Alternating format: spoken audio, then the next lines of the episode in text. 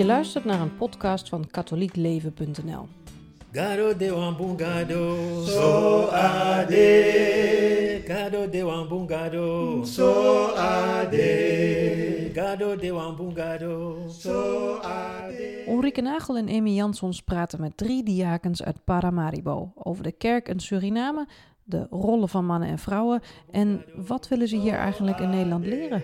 Ahopomi, adrai mi lontu, apot mi futu na hegro. Ahopomi. Het liedje dat we net hoorden, hebben jullie zelf net voor ons gezongen.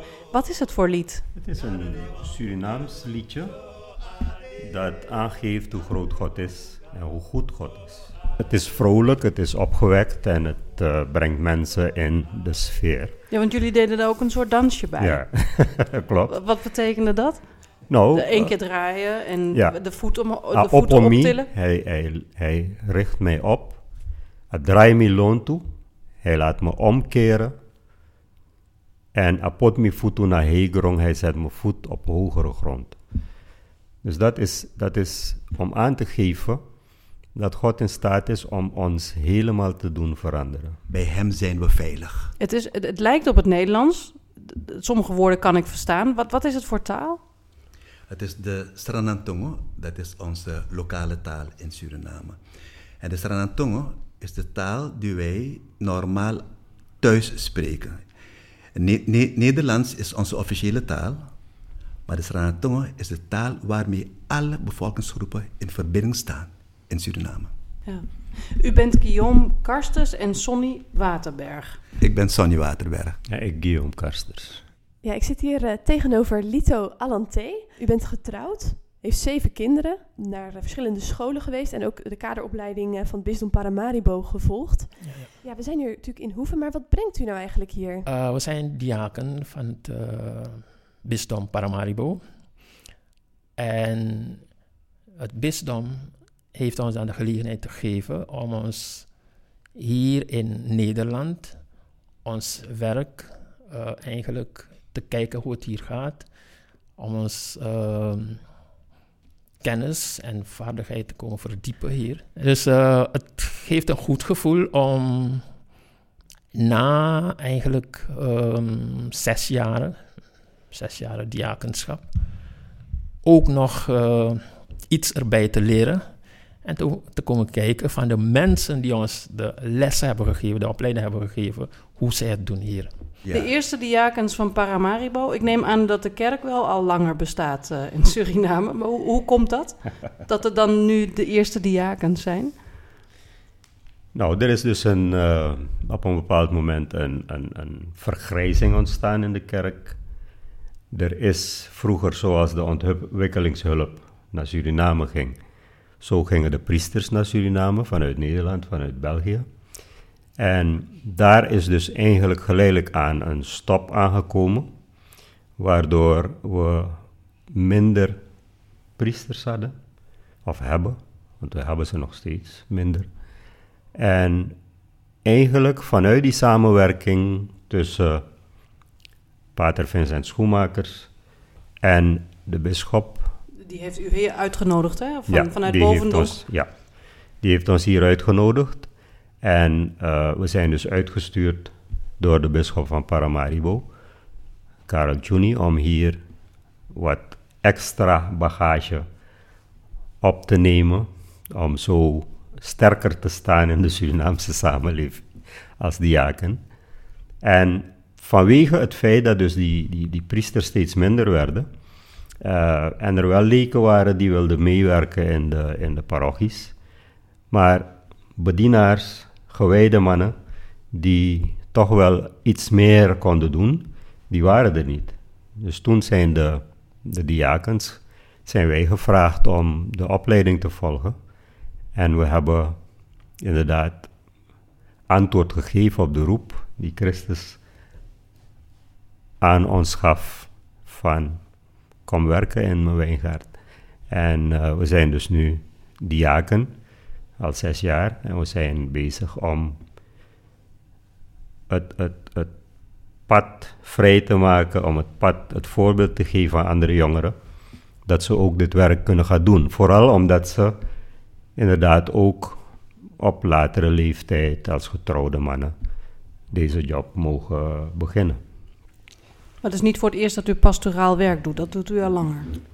Ja, eigenlijk zit ik al langer uh, met dit werk. Uh, en dat is uh, al, ja, voor, me, voor mijn huwelijk zat ik al bij de kerk. En had ik al dat gevoel van er is iets dat me bindt aan die kerk. Um, alleen wist ik nog niet wat het was. En ik ben dus opgegroeid in, in een parochie, in de Sint-Clemens parochie. Op een bepaald moment was het zelfs zover dat men me pater noemde. Want ik woonde bij de kerk. en ik was in de kerk en ik mocht al uh, woord- en gebedsdiensten doen. En ik was dus overal te vinden rond de kerk. En uh, eigenlijk is die roeping al lang geweest. Maar alleen uh, wist ik het, was ik me niet bewust van. Het heeft nu pas echt een naam gekregen eigenlijk. Ja, en ik was dus al in de 50 toen ik een duidelijke boodschap kreeg dat ik me meer moest bezighouden met de kerk. Een soort late roeping. Een late roeping. Toen heb ik dus eigenlijk bewust gekozen om het werk wat ik deed, er was ook de, de mogelijkheid op dat moment, om het werk dan gedacht te zeggen, uh, met vervroegd pensioen te gaan op mijn vijftigste, om dan het werk van de Heer op te pakken.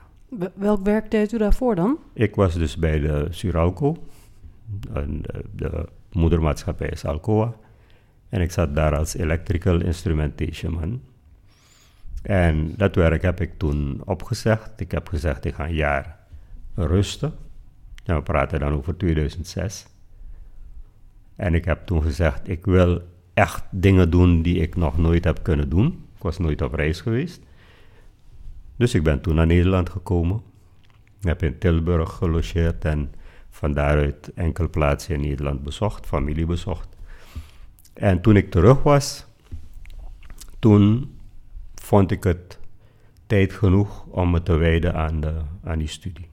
Ik ben dus van uh, parochie Zuid. Ja, en parochie Zuid behelst een aantal uh, parochies.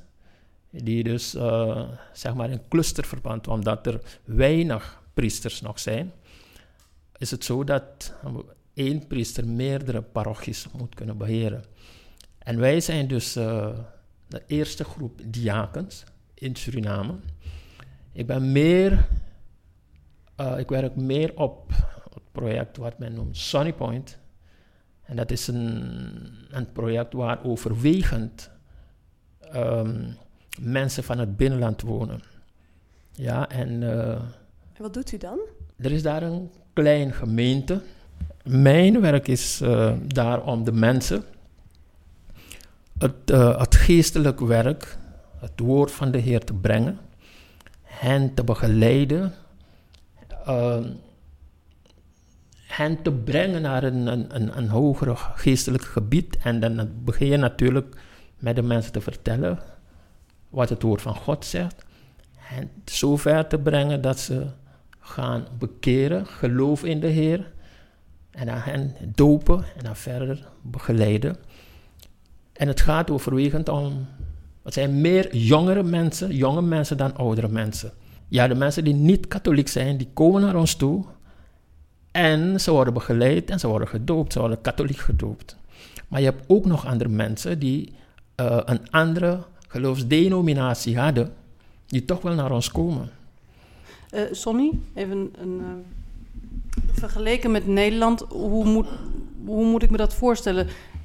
Is, gaat het net als hier dat mensen op zondag naar de kerk gaan? Gaat dat precies hetzelfde als hier? Hoe, hoe is dat? Gaan er vrouwen naar de kerk, mannen naar de kerk? Hoe ziet dat eruit? Ja, in uh, Suriname, zondag eigenlijk traditioneel is zondag de dag van de kerk. Dan gaan we allemaal naar de kerk van kleins af. Zo zijn we opgevoed. Maar de kerk was altijd iets van, van buiten, omdat de kerk gebracht is vanuit Nederland naar Suriname. En de traditie van uh, waarmee we zijn opgegroeid, is elke zondag in de kerk. En zeker vanuit plantage, daar is het wel niet echt verplicht, maar je kan het niet maken om thuis te blijven. Want vader en moeder, iedereen gaat naar, naar, naar de kerk. En de traditie is gebleven. Maar uh, zoetjes aan, zeker uh, uh, toen ik catechist... Ja, ik ben eerst begonnen als catechist in de kerk. En uh, dan probeer ik toch wel niet alleen maar op de zondag dingen te doen, maar ik kijk ook wanneer mensen vrij zijn om iets samen met ze te doen. Dus waardoor we dan dingen als bijbelstudie deden, dat was de woensdagavond. Dan duurde dat, dat ook wel. Uh, dus het was niet alleen maar op de zondag, maar er kwamen ook dagen bij. Maar de kunst is om te kijken wanneer kan je mensen het best bereiken. Wanneer zijn mensen vrij. Dat moet je wel gevoelig voor zijn. En zeker nadat ik uh, catechist ben geworden en steeds meer wil doen. Want de drang om het woord te verkondigen, dat neemt steeds meer toe bij mij. En ik wist ook nu dat ik diaken zou worden. Maar ik wil steeds meer dichterbij en dichterbij uh, komen bij mensen met het woord. En dan zoek je ook op welke manier moet je het doen. Hoe moet je het zo doen dat je mensen kan bereiken. Dat is iets wat altijd bij mij een rol speelde. En, en hoeveel bereikt u er dan? Want hoeveel komen er bijvoorbeeld naar zo'n bijbelavond? Elke maandagavond. Dat is de avond waar wij uh, met mensen praten die ja, eigenlijk nieuwe, een nieuwe stap willen maken in hun leven. Want wat wij proberen is mensen in contact brengen met God. Wij verkondigen het woord. En als mensen gevoeliger worden, dan willen we ze ook wel bereiken. Wanneer zij dat vragen, we doen niemand. Maar we verkondigen. We zoeken allerlei manieren om mensen te bereiken. En uit deze gebedsbijeenkomsten komen heel wat getuigenissen. En ik sta bekend in Suriname als iemand die getuigenissen verzamelt en dat op, uh, op internet deelt. Ze laten u weten dat ze er beter uitkomen als ze er zijn geweest. Zodra ze iets hebben om te delen, sturen ze naar mij toe. Mm -hmm. En dan deel ik dat met, de, met een toestemming natuurlijk.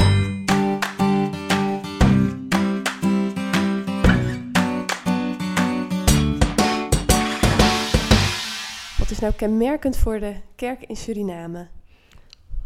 Kenmerkend voor de kerk in Suriname is dat de kerk in Suriname een universeel kerk is. Het is open voor iedereen. Ja, het is open voor iedereen. Iedereen die wil, die mag gaan naar de kerk. Um, Hoe zorgen jullie dat ze dat weten, dat iedereen welkom is? Nou, uh, we hebben ook een. Uh, we hebben daar net over gesproken, over een blad omhoog. Nou weet ik dat niet veel mensen deze krant uh, nog lezen, maar ook nog via de radio. Uh, onze radio, katholieke radio, is dan Emmanuel, Radio Emmanuel. Maar ook nog via andere mensen. Via mensen die er al, die er al zitten in de kerk, die er al iets van weten. Ja, de paters zijn, diakens zijn, maar andere uh, mensen die gewoon naar de andere gelovigen. Die gaan naar de kerk en via hen ook. Want uiteindelijk is de boodschap van de Heer niet alleen voor de priester of voor de diaken, maar iedereen die naar de kerk gaat, heeft een taak om die boodschap rond te vertellen wie Jezus is en dat hij iedereen, dat hij iedereen roept. Er gaan meer vrouwen naar de kerk in Suriname dan mannen. Daar hebben we het even over gehad buiten de microfoon om. Waarom is dat? Uh, laat, laat me het zo zeggen. Eigenlijk over de hele wereld vind ik over het algemeen dat vrouwen heel veel betrokken zijn bij kerkgebeuren. Ik denk ook hier in Nederland. Maar sowieso kan ik wel zeggen dat de opvoeding een rol speelt. Uh, mannen sowieso in Suriname die uh, hebben een totaal andere rol in het gezin. Die geven leiding in het gezin.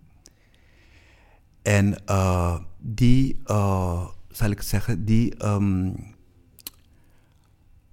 kijk, in de kerk moet je een aantal dingen eigenlijk door een keuze te maken voor Christus moet je echt een aantal dingen loslaten in het leven. De, de baas zijn bijvoorbeeld. De baas willen zijn moet je loslaten. een- ja, dus sowieso dat ook nog aan de opvoeding. Kijk, mijn moeder zou het, ze leeft niet meer, maar mijn moeder zou het niet prettig vinden als ze thuis bij me komt en zou zien dat ik de kleren was. Als man, als haar zoon. Dat is vrouwenwerk. Mijn moeder zou het niet leuk vinden als ze komt en ziet dat ik aan het koken ben, of het huis schoonmaak, of op baby let, op kinderlet. Nee, nee, het is gewoon de, de realiteit. Wij hebben bepaalde... Terwijl u zeven kinderen heeft. Ik vertel even wat de normale gang van zaken bij de opvoeding is van mannen, jongens, hoe ze worden grootgebracht en meisjes hoe ze worden Nu, nu grootgebracht. nog. Ik mag je zeggen dat het wel minder wordt, maar zo snel gaat het ook weer niet weg. Nee, het is gewoon de realiteit. En, eh, en het is niet makkelijk voor een man om dan zo zich gelijkwaardig op te stellen. En waar veel vrouwen zijn, en eh, dan zullen ze, hoe zal ik het zeggen, eh, ze voelen zich niet zo direct thuis tussen de vrouwen om gelijkwaardig dingen, dingen te doen. Het is een beetje, een beetje, een beetje matje opvoeding. Eh, het wordt steeds minder, maar ik heb gezegd, het gaat niet zo snel weg. Want thuis bij mij moeten de jongens ook vaat wassen, ze moeten ook hun kleren wassen. Dus wij proberen heel bewust ook dat wel bij te brengen. Ze nu al iets anders op te voeden. Ja, dus het verandert, maar over het algemeen zal het niet, is het niet normaal. Er zijn mannenactiviteiten en vrouwenactiviteiten. In tegenstelling tot wat eh, Sonny daarnet zei, is bij ons nooit dat gevoel gekweekt in het gezin. Ik kom trouwens uit een gezin van 15.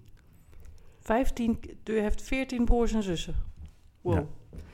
Niet allemaal leven meer hoor, maar ik kom uit een gezin van 15. En daar was er niet een verschil tussen meisjes- en jongenswerk.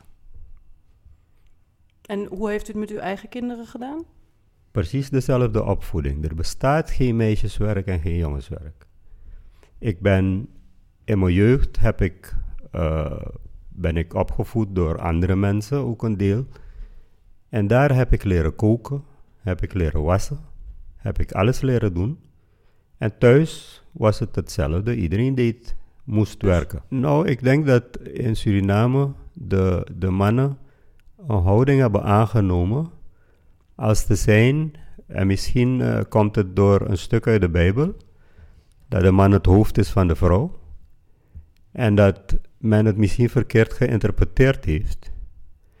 Want Christus heeft geen, geen eh, twee aparte mensen gemaakt. Om, om, om, om, we, zijn, we, we vullen elkaar aan als man en vrouw. Hè? Dus we zijn niet, die ene is baas boven die andere. En ook in de kerk bent u bezig om de mannen iets meer naar de kerk toe te trekken. Ik, ik zou dan ook denken, als de, als de vrouwen al zoveel voor de kinderen doen, hoe, dan hebben ze toch eigenlijk helemaal geen tijd om dan ook nog zoveel in de kerk te doen. Maar Nou, de mannen vinden dat ze. Ik, ik, ik heb daarbij een, een uitzondering hoor voor mezelf. De mannen vinden dat ze andere zaken, met andere zaken bezig moeten zijn. Ja. En dat ze dan geen tijd hebben om met kinderen eh, bezig te zijn of kinderen klaar te maken voor de kerk en zo. Ze denken meer aan een voetbal of een bodybuilding of weet ik veel. Maar ik heb geleerd, in mijn gezin heb ik mijn dochter de haren ook gevlochten. Ik Maar dit- vind, dit is dus aan het veranderen. Hoe, wil, hoe kunnen jullie de mannen dan nu de kerk intrekken, zeg? ik weet dat er geen dwang mag zijn bij bepaalde dingen.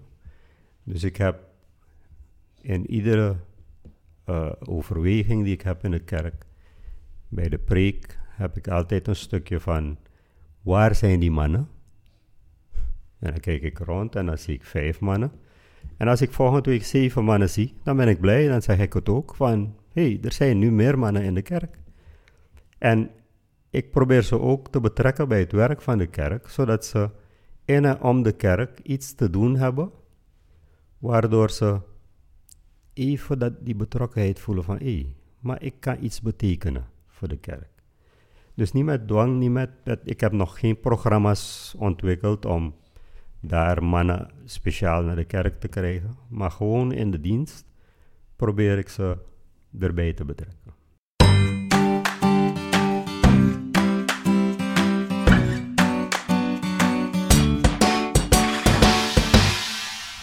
Nou zijn jullie in Nederland. Hoe lang in totaal?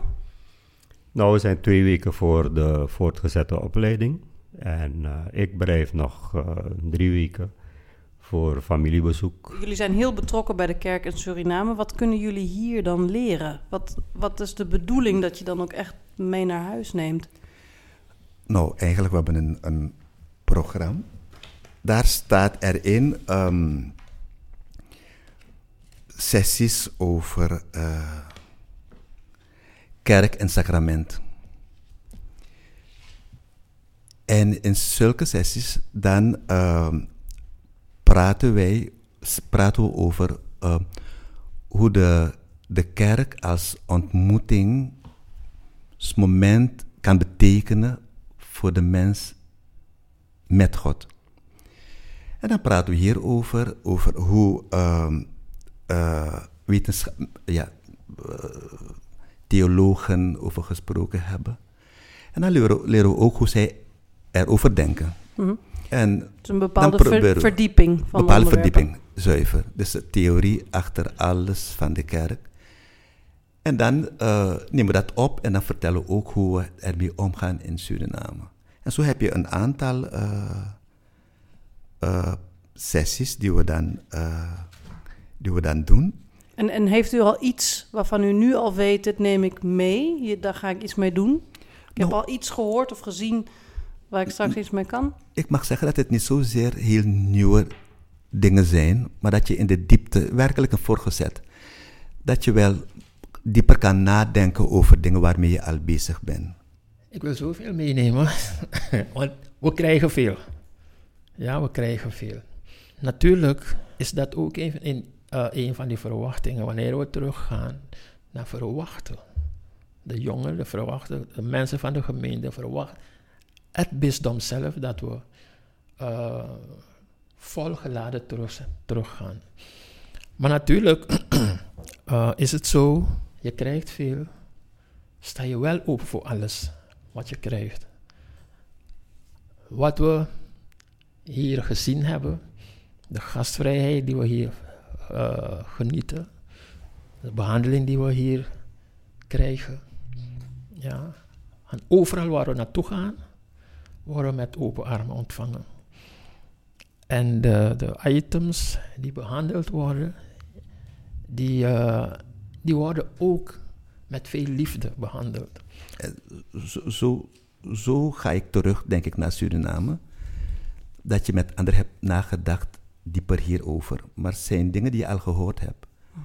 Maar het wordt dan verdiept. Dat je dan, we gaan, we gaan in de diepte eigenlijk. Maar het zijn niet zo dat we hele nieuwe dingen hebben gehoord.